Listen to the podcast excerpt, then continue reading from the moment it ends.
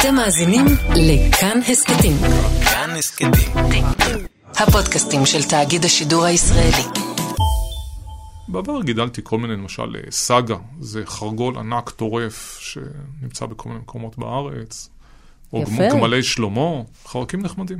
אה, מי, מי אתה אוהב במיוחד? למי יש לך חיבה מיוחדת?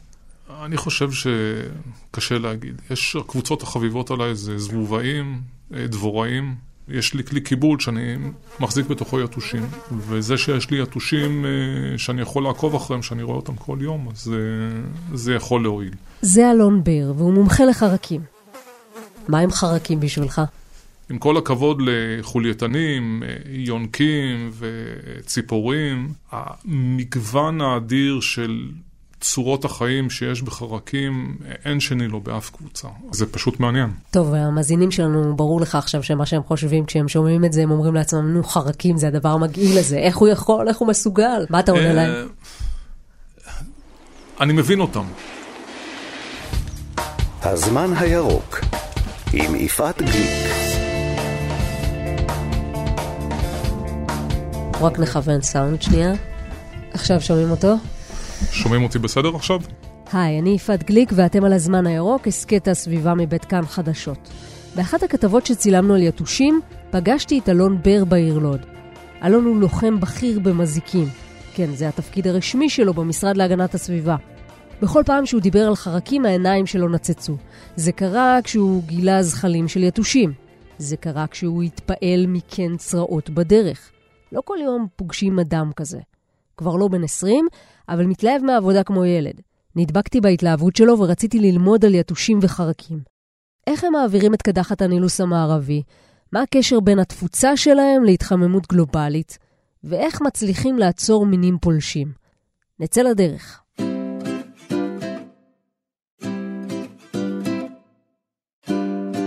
אלון, אני חייבת לשאול, איך יכול להיות שיתושות עוקצות אותי ולא את, ה... לא את הבן זוג שלי? לא ממש יודעים, יש הרבה מאוד דברים שמשפיעים על, אה, על גורמי משיכה. אה, גורם המשיכה העיקרי של יתושים זה CO2, שאותו אנחנו פולטים בנשימה, זה דו תחמוצת הפחמן. זה גורם המשיכה העיקרי של יתושים, זה גם מה שאנחנו משתמשים במלכודות, שאנחנו משמשים לניטור של יתושים. אבל כולנו פולטים CO2, כך שמבחינה הזאת אין הבדל בינינו. אני למשל, יש לי מטאבוליזם מאוד גבוה, אני פולט המון CO2, ויחד עם זה יתושים לא עוקצים אותי בכלל. אז Mm, כנראה בר שיש... מזל. אה, כן, אפשר להגיד בר מזל. יש, אני, מכיוון שאני אנטמולוג, אז אני לוקח את זה קצת קשה, כי אני אומר לעצמי, יש פה איזושהי העדפה נגדי. אבל uh, מעבר לצחוקים, ה- היתושים כנראה מריחים כל מיני ריחות גוף, ויש אנשים שנמשכים אליהם, ויש כאלה שלא. אני יודע לגבי עצמי שאם יש איזשהו בן אדם ברדיוס די גדול מסביבי, אין שום סיכוי שאיזשהו יתוש יבוא ויעקוץ אותי, הוא תמיד יעדיף מישהו אחר. רק אם אני נמצא לבד, יתושים יעקצו אותי. יש אנשים שנעקצים יותר, יש פחות. בהרבה מקרים אנשים שואלים, יש לי עקיצה, לא ראיתי מה עקץ אותי, והעקיצה נראית ככה או נראית אחרת. אז אני אומר באופן מוחלט, אי אפשר על פי העקיצה לזהות מי העוקץ. העקיצה היא בעצם תוצר גם של ההרס של המזיק שעקץ, וגם של התגובה של הגוף. ואורגניזם אחד שעוקץ בן אדם, העקיצה תיראה בצורה אחת, ואצל מישהו אחר היא תיראה בצורה אחרת. כך שצריך לראות מי העקץ, והצורה של העקיצה היא לא סימן לזיהוי של העוקץ. למעט מקרים שבהם אפשר לראות ממש את נקודת העקיצה. למשל, מישהו שנעקץ על ידי העכביש, העכביש יש לו שתי חליצרות, זה מין שפיצים קטנים כאלה שהוא מזריק את הארס, ואז אפשר לראות שתי נקודות קטנות. אז כשרואים שתי נקודות, אז ברור שמדובר בעכביש או עכבישן אחר. אם זה משהו כמו אה, יתוש או דבורה, אז העקיצה היא נקודה אחת, אז יחסית פשוט לזהות לפחות את הקבוצה. בהרבה מקרים, אנשים מגיבים, הגוף רגיל, נגיד ליתושים שהוא רגיל אליהם מגיל צעיר. למשל, יתושי הקולקס, הקולחית, אנחנו מכירים אותם מילדותנו, הם נמצאים בכל מערב הארץ, ואנחנו נעקצים מהם. כל אחד, זה נעקץ יותר, זה נעקץ פחות, כולנו, כולנו רגילים. בדרך כלל העקיצות לא נראות בולטות. כשמגיע פתאום יתוש חדש, שיש לו ארז קצת אחר שאנחנו לא רגילים אליו, אז הגוף מגיב אליו בדרך כלל יותר קשה, ובדרך כלל כשמגיע איזשהו מין פולש, כמו יתוש הטיגריס האסיאני, ואנשים לא רגילים אליו, אז העקיצות ייראו יותר רע. אבל אם תלכי לתאילנד למשל, ששם יתוש הטיגריס האסיאני הוא יתוש נפוץ ורגיל, אנשים שם לא יגיבו ליתוש טיגריס אסיאני בצורה שונה מאשר יתושים אחרים שהם טבעיים שם.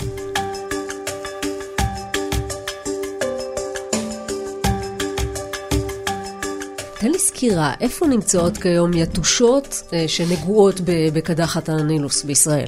המקור של קדחת מערב הנילוס הוא, זאת מחלה זואונוטית, זה בעצם מחלה של ציפורים. והוא בעיקר נמצא בציפורים נודדות, אבל גם בציפורים יציבות. העברה של המחלה לבני אדם היא בעזרת עקיצות של יתושים. היתוש הוא הוקטור.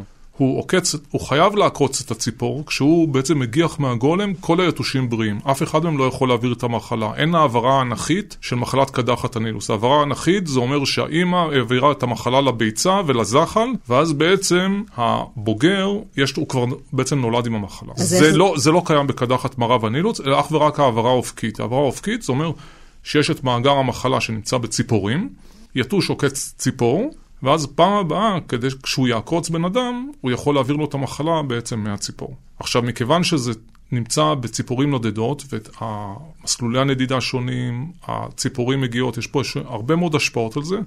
אנחנו רואים שלפחות בישראל, כל שנה ההיראות של קדחת מערב הנילוס היא קצת שונה. יש אזורים שבהם אנחנו יודעים שכמעט כל שנה יש קדחת מערב הנילוס, כמו באזור של דרום הערבה, ששם ממש כל שנה זה גם אזור שאחד האזורים הכי משמעותיים של נדידת ציפורים, כמויות הציפורים שעוברות שם הן אסטרונומיות, אבל במקומות אחרים בארץ זה יכול להיות פעם באזור אחד, למשל שנה מסוימת זה יכול להיות למשל באזור ראשון לציון, שנה אחרת באזור פתח תקווה, שנה שלישית באזור של חיפה. וכן הלאה. ואנחנו לא יכולים לדעת מראש איפה זה יהיה, וזה לא בהכרח יהיה במקום שבו יש הרבה יתושים. יש לפעמים מקומות שבהם מטפלים ביתושים בצורה מאוד טובה, יש מעט מאוד יתושים, אבל יש נגיעות מאוד גבוהה ביתושים, ולחליפין יש מקומות עם המון יתושים ואין נגיעות בכלל. איפה היום מצאתם, אתם מוצאים אה, בחודשים האחרונים את, אה, את אותם יתושים נגועים בקדחת הנילוס המערבי? לאחרונה היו אה, יתושים נגועים בקדחת מערב הנילוס בשומרון. אה, היה באזור של עלי זהב, היה בעמק חפר, בדרום הערבה תמיד יש, אז גם השנה יש, וגם אם אני לא טועה, היה איזשהו אזור באזור הצפון, שאני לא זוכר בדיוק את המקום, אבל גם באזור הצפון היה מקום שבו היה קדחת מערב הנילוס. אבל... נדמה ו... לי שאפילו היו דיווחים על, אה, על הגבול של תל אביב, רמת גן, ככה, של, אה, של יתושים נגועים. תראי, הדרך שלנו לזהות נגיעות ביתושים, אנחנו מניחים אה, מלכודות, בדרך כלל בשעות אחר הצהריים. המלכודות האלה שואבות את היתושים. גורם המשיכה, כמו שאמרתי מקודם, הוא CO2. אנחנו משתמשים בקרח יבש, שזה בעצם צורה אה, מוצקה של CO2. הקרח היבש ממריא למצב הגזי שלו ומושך יתושים, ואז אנחנו אוספים ככה בבוקר את היתושים.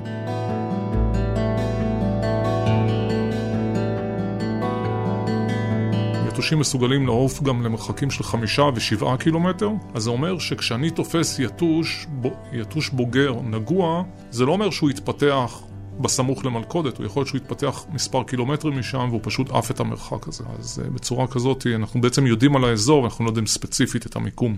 אז אתם שמים יתוש... אה, מלכודות מיוחדות שראיתי אותן נראות כמו בערך איזה סוג של לוכד, אה, לוכד חלומות אינדיאני כזה, שעם עם, עם קרח יבש ו... והם נתפסים פנימה. ואז, ואז כן. מה, מה קורה? מה התהליך? המלכודת עצמה היא די פשוטה, מדובר על מאוורר שמופעל על ידי שתי סוללות פשוטות, שתי סוללות AA. המאוורר הזה מסתובב יחסית לא מהר במיוחד, כדי שהיתושים שנשאבים דרכו לא יקצצו כמו בפוד פרוססור כשהם מגיעים פנימה. אנחנו חייבים את היתושים חיים, אם הם יהיו מתים, אי אפשר יהיה לזהות את הנגיף בתוכם. ומתחת למאוורר הזה יש שק איסוף. אנחנו מניחים את זה אחר הצהריים, בסמוך למאוורר אנחנו שמים את הצינורית שמחוברת למכל של קרח יבש, ומה שקורה, היתושים מסוגלים לזהות בצורה מאוד מדויקת את המפל הריכוזים של CO2, והם מריחים את זה מרחוק. והם יודעים לזהות האם הריכוז עולה או הריכוז יורד, והם פשוט רצים לאורך מפל הריכוזים ומתקרבים כל הזמן למקום שבו הריכוז הולך ועולה. הרעיון הוא שבדרך כלל כשיש מפל ריכוזים של CO2, בסוף שלו יש מישהו שנושם ופולט את ה-CO2 הזה, והמישהו הזה יש לו דם שאפשר למצוץ אותו. אז זה, זה בגדול מה שהם עושים. ואז ברגע שהם מגיעים סמוך למאוורר, אז פשוט הם נשאבים בזרם האוויר שנכנס פנימה, ונאספים בתוך המיכל. משם, בבוקר, אנחנו אוספים את המלכודות האלה, ומביאים אותם במהירות האפשרית לירושלים, למעבדה האנטמולוגית של משרד הבריאות. שם יש צוות שעובד ומזהה את היתושים האלה, ממיין אותם לפי המינים השונים, ומעביר את העצבות של היתושים לבדיקת נגיפים במעבדה לנגיפים בתל השומר. זה אה, מדובר באותן מעבדות, תתקן אותי אם אני טועה, שבודקות בעצם בימים אלה את, ה... את נגיף הקורונה. נכון. אצל בני אדם. אז איך? איך אתם מצליחים uh, לשלב? זה אותם, אותם, אותם אנשים שבודקים בעצם. איך, uh, איך זה עובד בימים האלה? מן הסתם זה מייצר עומס. זה מייצר עומס, הם גם ככה עובדים בעומס מאוד מאוד גבוה. כנראה שהם מצליחים להתמודד עם זה, כי אנחנו מקבלים תשובות. לא, הם לא אמרו לנו, תפסיקו לשלוח לנו, אנחנו לא יכולים לטפל בזה. הם ממשיכים לקבל גם את זה, ואני יודעת שהם בודקים גם נגיפים אחרים ולא רק קורונה. אבל אני יודע שלפחות במעבדה האנטמולוגית, חלק מהעובדים שם צריכים לעשות משמרות גם ב... בתחום הקורונה. אז כך שהעומס הוא לא רק במעבדה לנגיפים, אלא גם במעבדה האנטמולוגית יש אה, עומס גדול בגלל הקורונה.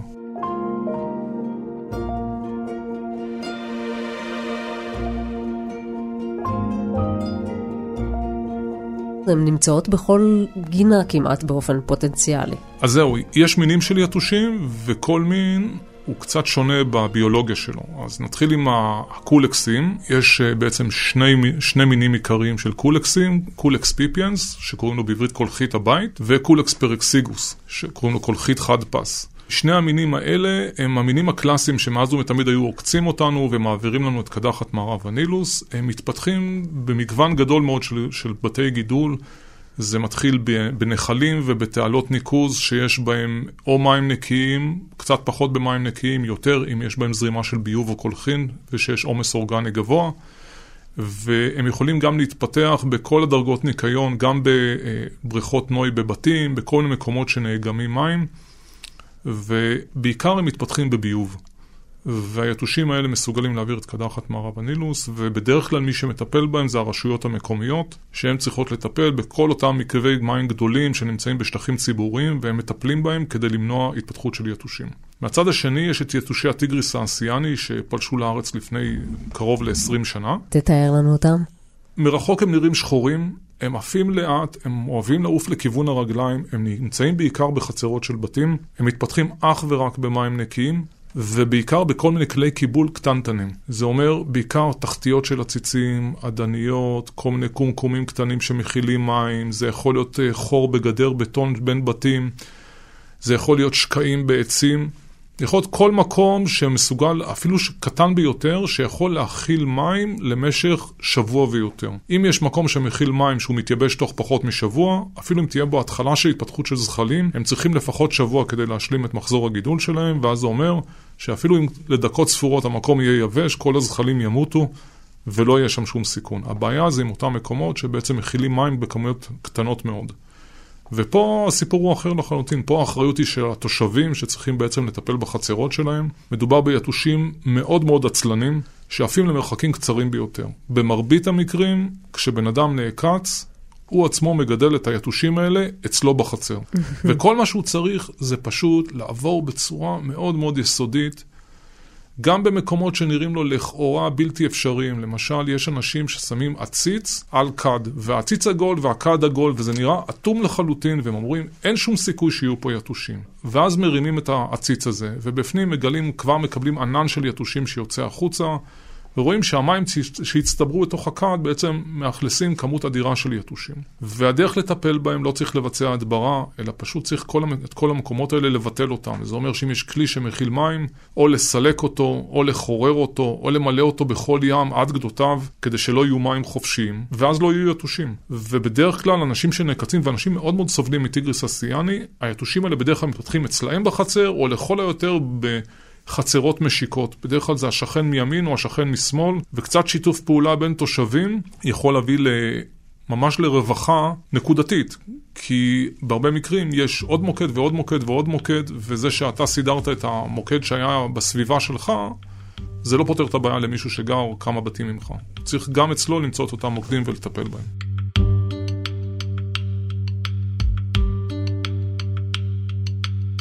כשאנחנו מדברים על קדחת הנילוס, מה זו המחלה הזאת בעצם? מדובר על מחלה ויראלית, זואונוטית. זאת מחלה שבעצם, אה, מחלה של ציפורים.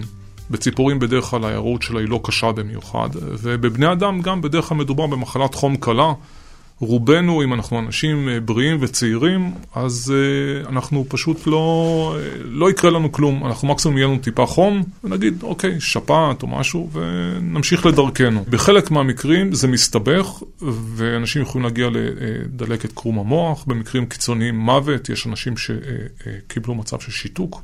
כך שכל שנה יש, יש מקרים כאלה שמסתבכים, ואז בדרך כלל אנחנו גם מקבלים אה, מידע עליהם. לפני כמה שבועות היה דיווח על אה, ילדה שמאושפזת בגלל אה, קדחת מערב הנילוס. כן, זה, זה מאוד מאוד נדיר. בילדים זה מאוד מאוד נדיר. בעבר אמרו שזה מחלה של זקנים, שבדרך כלל רק תצא לפנסיה ואז אתה מתחיל ככה להיות בקבוצת הסיכון. אבל אנחנו כבר רואים מספר שנים שהמחלה הזאת לא, לא נמצאת אך ורק באנשים מאוד מבוגרים, אלא אנחנו רואים אותה גם בחבר'ה צעירים, חלקם אפילו ספורטאים, רואים את זה בתלמידים, בילדים קטנים, בחיילים. יש את זה גם בקבוצות הגיל הצעירות יותר, אבל זה עדיין מחלה שהיא בעיקרה אה, מחלה של אוכלוסייה יותר מבוגרת. ורק שאני אבין, כשאנחנו אומרים יתושים, אנחנו מתכוונים בעצם ליתושות, נכון? זה... זה כן, יתוש... כן. מי יתוש... מעביר בתכלס את, ה... את, ה... את המחלה? יתושים בכלל לא ניזונים מדם, יתושים אה, ניזונים מצוף של פרחים. גם הזכרים וגם הנקבות.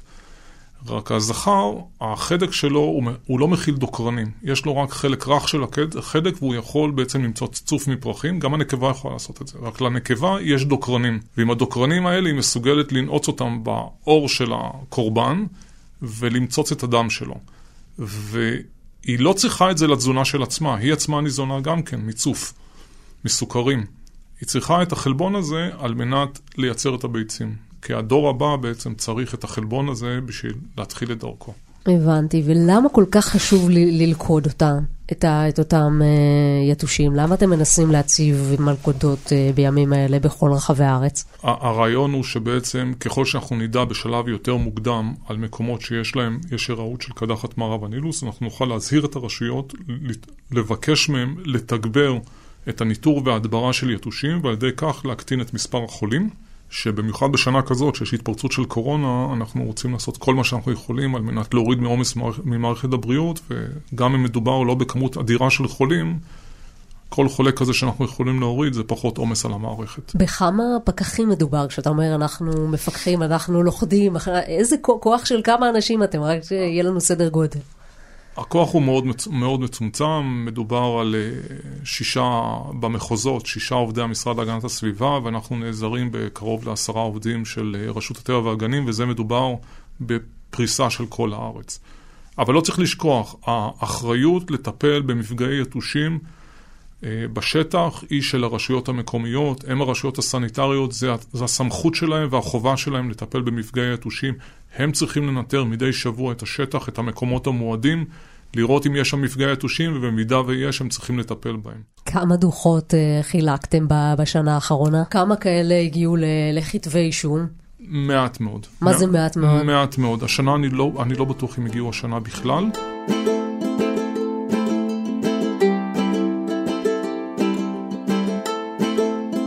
אתה בעצמך מגדל חרקים, נכון? בעבר גידלתי, כרגע אין לי חרקים, אני מקווה מה גידלת? מגיל צעיר אני מתעסק בבעלי חיים, כך שהעניין שלי בעולם החי הוא, הוא, לא, הוא לא חדש, ו, ואני אוהב להיות בחוץ. אז כך שהעניין ב, בחרקים הוא, הוא טבעי, ו, ובאיזשהו שלב פשוט באוניברסיטה התחלתי ללמוד עליהם ונכנסתי לזה. ואחר כך זה היה טבעי שאני אחפש גם עבודה בתחום. אין יותר מדי עבודה בתחום, אבל uh, שפר עליי מזלי, ובאיזשהו שלב מצאתי את העבודה הזאת במשרד להגנת הסביבה, ואני גם עובד עם חרקים. גם כל הנושא של uh, שמירה על הסביבה ושמירת טבע היא, היא בדמי. ואחד הדברים הבעייתיים, למשל, בנושא של מזיקים, שאני... אחראי על נושא של מזיקים, זה שבדרך כלל מזיקים אומרים, אוקיי, צריך להדביר אותם, ואיך מדבירים? משתמשים ברעלים. ורעלים זה לא הדבר הכי טוב לאדם ולסביבה. וצריך להפעיל, במשך שנים נלחמתי שיפעילו שיקול דעת ושיפעילו איזונים איך מצד אחד מטפלים במזיקים ואיך מצד שני לא פוגעים בסביבה. ואני שמח להגיד שהיום, זה ברור לכל אחד, זה גם נמצא בחקיקה, שבעצם כל הדברה של מזיק צריך להתייחס ולעשות איזון עם ההשלכות של הרעלים האלה, שאנחנו בעצם שמים אותם בסביבה. וחומרים שהיו פעם מותרים והיו בשימוש נרחב, הם לא קיימים יותר. פשוט הוציאו אותם משימוש. היום חומרי הדברה הרבה יותר ידידותיים, וגם החומרים הידידותיים, לכאורה, שאף אחד מהם לא ידידותי לחלוטין, כולם הרי ריאליים, השימוש בהם הוא הרבה יותר מושכל ומועט. אז מהבחינה הזאת, אני מרגיש שאני עושה עבודה שהיא שליחות, זאת עבודה מאוד מאוד חשובה.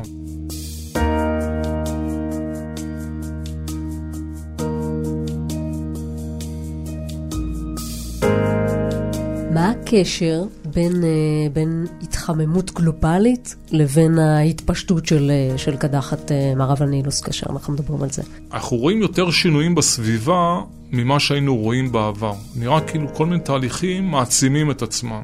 כמו תופעה של מינים פולשים, היום יש הרבה יותר מינים פולשים. אז חלק מזה טוענים שזה בגלל התחממות גלובלית. מצד שני, יש הרבה יותר מטוסים היום שמטיסים סחורות ממקום למקום, הרבה יותר אוניות, הרבה יותר סחר, שמאפשר לאותם מזיקים לעבור ממקום למקום. אבל אתה אומר, אה, למשל, אה, את הטיגריס האסיאני אפשר למצוא פתאום באזורים קרים יחסית, אה, זה, ירושלים זה... נגיד.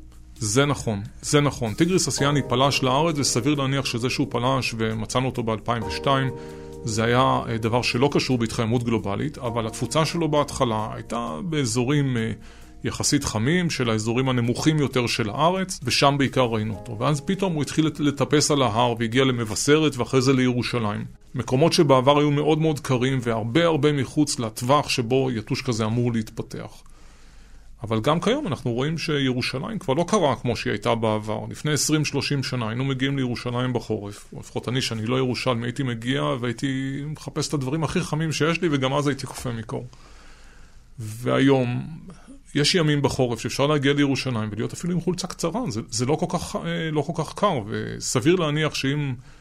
והם, לא והם היתושים האלה זקוקים לחום, אלה, אתה אומר, זה, הם מתפתחים יותר ב... הם פחות מתפתחים בחורף. גם בשפלה אנחנו כמעט ולא רואים אותם בחורף. הם צריכים טמפרטורה מעבר לטמפרטורה מסוימת כדי שאנחנו נתחיל לראות אותם. אבל יש פרטים ששורדים ועוברים את החורף, וייתכן מאוד שאם הטמפרטורה הייתה קצת יותר נמוכה, או מספיק שהיו כמה ימים שהיו יותר קרים והיו מגיעים למקומות המסתור שלהם ומקררים אותם, אז אותו יתוש שהצליח לעבור בתרדמה, או סוג של תרדמה, להצליח אה, במנוחה כזאת, במקומות מסתור, לעבור את החורף ובעצם להתחיל את המחזור החדש באביב, יכול להיות שהוא לא היה שורד, ואז אנחנו, היתושים האלה לא היינו מוצאים אותם אחר כך.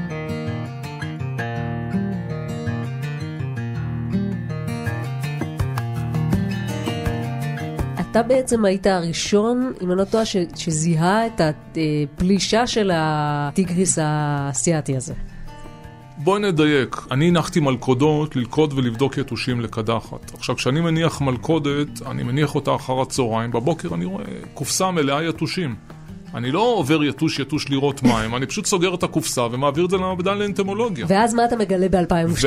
ואז ב-2002 עשיתי לכידה בבריכות החמצון של כפר הנוער בן שמן, שכבר לא קיימות יותר, ושמתי שם מלכודות על מנת ללכוד יתושים, ידעתי שזה מקום שיש בו הרבה יתושים. ועשיתי לכידה, ובבוקר אספתי את הלכידה, הבאתי אותה למעבדה בירושלים, למעבדה האנטמולוגית של משרד הבריאות. ואז בצהריים אני מקבל טלפון ואומרים לי, אתה יודע מה היה בלכידה שלך?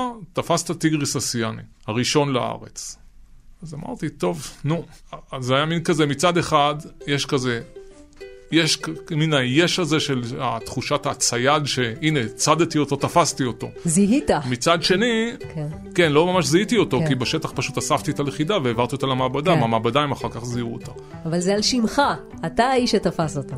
אני האיש שתפס את הראשון בארץ. אחד העובדים שלנו גר במושב שנמצא 800 מטר מאיפה שלכדתי, ואני מדבר איתו והוא אומר לי, תשמע, ליד הבית שלי, יש מקום, מגרש שמחזיק צמיגים משומשים כאלה. אז אמרנו, טוב, אז ישר למחרת הלכנו ושמנו מלכודות באותו מגרש של צמיגים משומשים, ותפסנו לא טיגריס אסיאני אחד, אלא גדוד שלם. וואו, אבל אז מה זה ו... אומר? כי, כי למה כל כך חשוב לתפוס אותם ו... על או... ה... מהר? כי אם, אם באמת גינתון היה המקום הראשון שבו הם היו, והם עדיין לא התפשטו לשום מקום אחר בארץ, אז צריך פשוט לסגור את היישוב הזה. ולטפל בכל המקומות שיש את הטיגריס, ולעשות הדברה נרחבת, ולעשות טיפול מאוד מאוד דרסטי, ואולי נצליח לעצור את ההתפשטות שלו בארץ. כי ברגע שהוא מתפשט... כי ברגע שהוא מתפשט למרח... למרחקים גדולים, הסיכוי, והוא מתבסס ונמצא במקומות נרחבים, הסיכוי בעצם להכחיד אותו הוא, הוא שואף לאפס. הוא מאוד מאוד קטן. למרות שלכאורה התנאים לטיגריס אסיאני לא מתאימים בארץ, כי זה יתוש שחייב מים. יש לנו חצי שנה בלי, בלי גשמים, וזה אומר שאם למשל לא היה גינון ולא הייתה השקיה, יתושי הטיגריס האסיאני כולם היו נכחדים. הם לא היו מצליחים לשרוד פה במדינת ישראל. ובאמת בשטחים פתוחים לא רואים אותם, רואים אותם אך ורק בתחומי יישובים. אז לא הצלחתם, לא הצלחתם בשורה התחתונה. לא, קודם כל, דבר ראשון אמרתי לעצמי, זה שאני מצאתי את הראשון, השאלה אם הוא באמת הראשון. אז אמרתי לעצמי, איפה יש עוד מאגרי צמיגים? אז הלכתי לבדוק מאגר צמיגים של הצבא ליד, אה, ליד רמלה. שמתי שם מלכודות ומצאתי טיגריס אסיאני. אז אמרתי, טוב, זה חמישה, שבעה קילומטר מאיפה שהייתי. אז הלכתי לבדוק בעוד מקום, וגם שם מצאתי את הטיגריס האסיאני, ואז קולגה שלי באזור חיפה, בחדרה, הלך לבדוק מאגר צמיגים אחר, וגם שם הוא מצא. אז הבנו שבעצם יופי שאני מצאתי את הראשון בבן שמן, כאשר אנחנו מצאנו אותו, בעצם הוא כבר היה בהרבה מאוד מקומות, ופשוט לא עלינו עליו. לא עלינו עליו. וזה היה מאוד... אה, מה אתה מרגיש? זה מתסכל. זה מתסכל. מצד שני, גינתון הרגישו הקלה גדולה, כי עשינו, איתנו עליהם סגר, אמרנו להם, אתם לא יכולים להוציא ולהכניס שום דבר, עכשיו אנחנו צריכים לטפל בכם, אבל ברגע שהתחלנו למצוא את זה... מה זה אומר סגר? מה, סגרתם את אה, גינתון? אמרתם להם לא... בוא נגיד כך, היה ממש ביקורת ולא לא אפשרו, נגיד, הכנסה, אה, הוצאה של דברים אה, מתוך גינתון. אנשים יכלו לצאת ברכב שלהם, אבל להוציא כל מיני סחורות וכאלה, עצרנו כל עוד רצינו לבדוק מה קורה שם. אז בעצם במשך זמן קצר, עד שמצאנו שבעצם היתוש הזה כבר הגיע למקומות נרחבים אחרים. כשאנחנו מדברים על להכחיד, אה, לנסות למגר את סיפור היתושים, מה הפתרון הכי טוב? זה באמת פתרון? זה המדביר אז... הזה שאנחנו מזמינים? בדרך כלל לא. בדרך כלל לא. צריך, צריך להבדיל קודם כל בין יתושי הקולקס ליתושי הטיגריס האסיאני. יתושי הטיגריס האסיאני אמרתי מקודם, לא צריך להדביר אותם. כל מקום שאתה מזהה מים, פשוט תדאג שהמים האלה לא יהיו. ואז הם לא יגיעו, וזהו. ואז וזה, ברגע שזה... אם לקחת כלי כוס מים שנמצאת, כלי ש, של המים של הכלב שנמצאים בחצר ו, ולא החלפת את המים כל שבוע, שכדאי לעשות את זה גם בשביל הכלב, לא רק בשביל היתושים. ויש בפנים יתושים, גילית את זה, שפכת את הכלי, כל הזכלים שבפנים יתייבשו וימותו. זה, אף אחד מהם לא יהפוך להיות יתוש בוגר. לא צריך לבצע הדברה, אין שום סיבה להשתמש ברעלים. לקחת את הכלי, שפכת אותו. בזה נגמר הסיפור. אבל אם אתה תכניס אליו עוד פעם מים, ולא תחליף את המים כל שבוע ותדאג לנקות את הכלי, אז הבעיה תחזור על עצמה. ושוב, פה מדובר בפעולה משותפת, נכון? זה לא מספיק שאני אעשה את זה בגינה שלי, גם השכן שלי צריך אה, לעשות כן, את זה בגינה שלו. כן, למזלנו, מכיוון שהיתושים האלה עצלנים כאמור, ולא עפים רחוק, זה לא שצריך ללכת ולעשות עבודה משותפת של כל השכונה ברדיוס של 500 מטר, שכולם צריכים לטפל, כי אם לא כולם יטפלו, אז אנחנו כולנו נסבול. מכיוון שהיתוש הזה עף למרחק של אפילו לא עשרות מטרים, הוא עף למרחק של עשרה, עשרים מטר בדרך כלל, לא יותר. במצבים קיצוניים הוא יכול גם לעוף מאות מטרים, אבל במצבים הרגילים הוא, הוא עף למרחקים מאוד מאוד קצרים. אם אתה והשכנים שלך תטפלו, אז רוב הסיכויים שלא, שלא תסבול מהיתושים האלה. אבל צריך לדעת יש, מכיוון שהם מתפתחים בכלים מאוד מאוד קטנים, צריך להכיר את כל המקומות שיכולים להתפתח. הם יכולים להתפתח למשל צמחים מהמשפחה של האננס. יש להם עלים שבחיק העלים, במיוחד אם עושים השקיה בהמטרה, יכולים להיות מים, ובמים האלה יתושים מאוד מאוד אוהבים להתפתח. למשל, בן אדם יש לו מרזב שלא סתום, אני לא מדבר על מרזב סתום. מרזב שהוא לא סתום, אבל הוא קצת ישן, ויש לו חלק שכמו ברך כזה, שהוא טיפה יותר שקוע.